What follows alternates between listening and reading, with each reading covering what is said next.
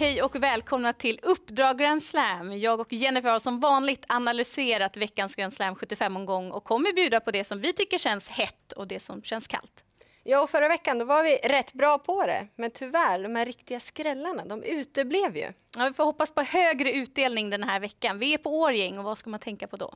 Inga konstigheter, men det är rätt långt upplopp, 205 meter. Och sen har vi en kusk som trivs här, men honom återkommer vi till. Mm, vi kör igång direkt och här kommer veckans heta.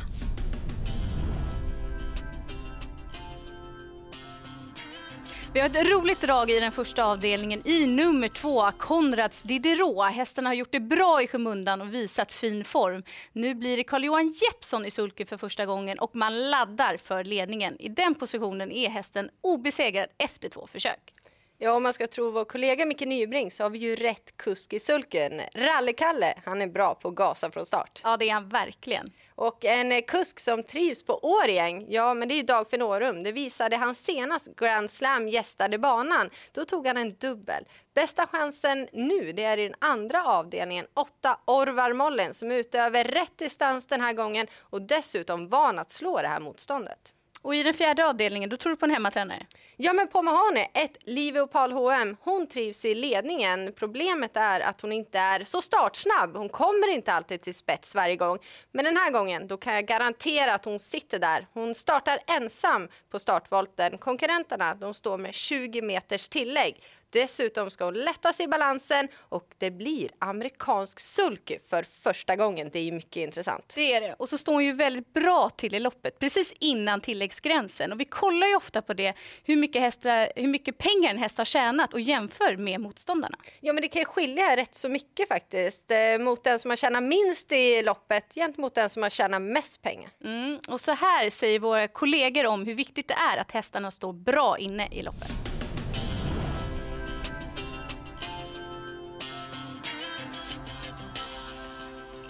Det är aldrig ett minus att stå bra inne i ett lopp. Framförallt om en häst kommer efter en paus och står bra inne. Då har de ofta siktat mot det loppet och då ska man vara beredd att ta med den.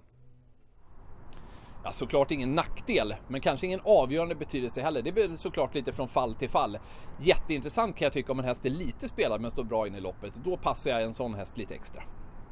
En äldre rutinerad häst som helt plötsligt går ner lite i klass för att den har tjänat rätt mängd pengar. Det brukar jag ta fasta på. Sen brukar jag alltid titta om ston står hårt in i ett lopp. Det brukar vara oerhört svårt. Ja, det känns ju som att de flesta håller koll på hästarnas prissummor, men det är ju inte avgörande när man analyserar loppen. Nej, men det är inte det. Och definitivt inte i den sjätte avdelningen. Två Choco Garline, han har inte tjänat mest pengar i loppet, men han har bäst vinstchans. Eh, han har varit bra på V75 tidigare. Senast då utklassade han konkurrenterna på Solvalla. Magnus Järnemyr, han har inte fuskat med träningen på de sex senaste starterna. Då har det blivit två segrar till stallet, så formen, den är bra. Mm, och I den avslutande avdelningen tror jag mycket på nummer tre, Hakon von Haitabo. Hästen var jättebra i årsdebuten trots en tuff resa. Han fick göra jobbet utvändigt om ledaren och höll starkt som trea. Nu har han lopp i kroppen, vilket han brukar behöva innan formen sitter där. Ulf Olsson känner ju hästen och tränaren säger att hästen känns bättre än tidigare. Jag tror att han är mogen för att segerdefilera den här gången. Ja, om det låter så här bra på honom, då känns det ju som att favoriten lever farligt. Det gör han och vi går ju då vidare till veckans kalla.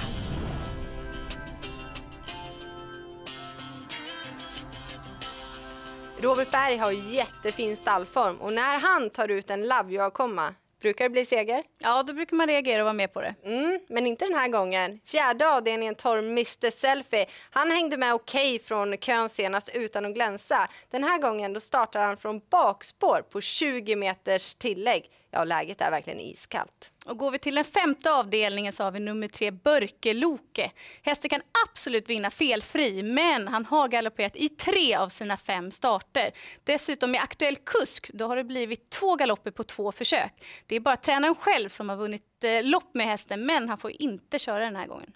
Nej, men det är väldigt mycket passgång eh, när han väl ska ur volten och tyvärr brukar det bli galopp i starten då. Mm, och galopp blev det för favoriten i den sista avdelningen, nummer ett, Hobby Diletton, senast han hade spår ett bakom bilen. Och även om man skulle gå felfritt så är det inte alls säkert att han kan hålla ut de övriga och det finns risk för en tung resa för favoriten här.